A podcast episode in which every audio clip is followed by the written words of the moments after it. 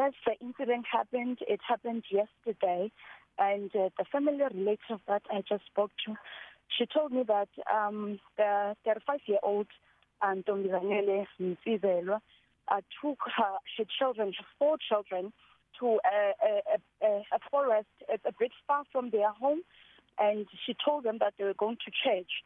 And um, she, when they got to the forest, she gave them the the tank pill. It's a po- it's a poisonous uh, pill that uh, most people use it for to for for their maize. It's it's just a poisonous chemical.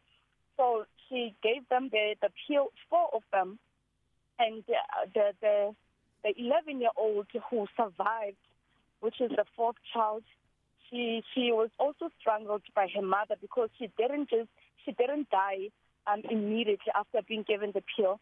Um, she when she got back, she reported that her mother strangled her, but then when she she pretended to be dead, and when she saw her mother leaving them where they they were in the forest, she then uh, stood up and ran back home, and uh, that's what happened. And then yesterday during the day, the mother was not found, so the police were searching for her, and she was uh, found today around ten. But the surviving child is still at hospital. And when I asked the family um, the motives behind all of this, um, the relative said she doesn't know because they were they were fine. She didn't even think that um, Demzanela would do this thing. But she also mentioned that this was not the first time when that she planned to kill herself and her children because she used to work in Durban and then um some I think when she went to hospital she had a miscarriage. And then when she was at hospital they saw these pills four of of, of those pills. And when the, the the the nurses asked why she had those pills she told the nurses that she wanted to kill herself and her children. But then they were called to come and fetch her. And then she came back home um from Durban. But then now she says she doesn't know why even before the first attempt she didn't say why she wanted to kill herself and her children. Um, Nomzonele, how old were the other children? You said the surviving child was 11 years old. Uh, how old were the other three?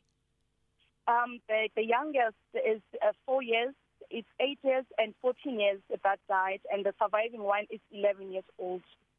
So, with regard to uh, the family, uh, you spoke to one relative. Are there other relatives around? And uh, also, uh, has the mother, who's now been found and taken into custody, has she revealed anything about the motive behind these killings? No, Sakina, the mother was also found dead. She also took the Oh. pill, but in a different location, but still in the forest. And we haven't spoken to, to her mother because um, they were staying with her mother and uh, it was her, Domzanel, and her four children, plus her mother.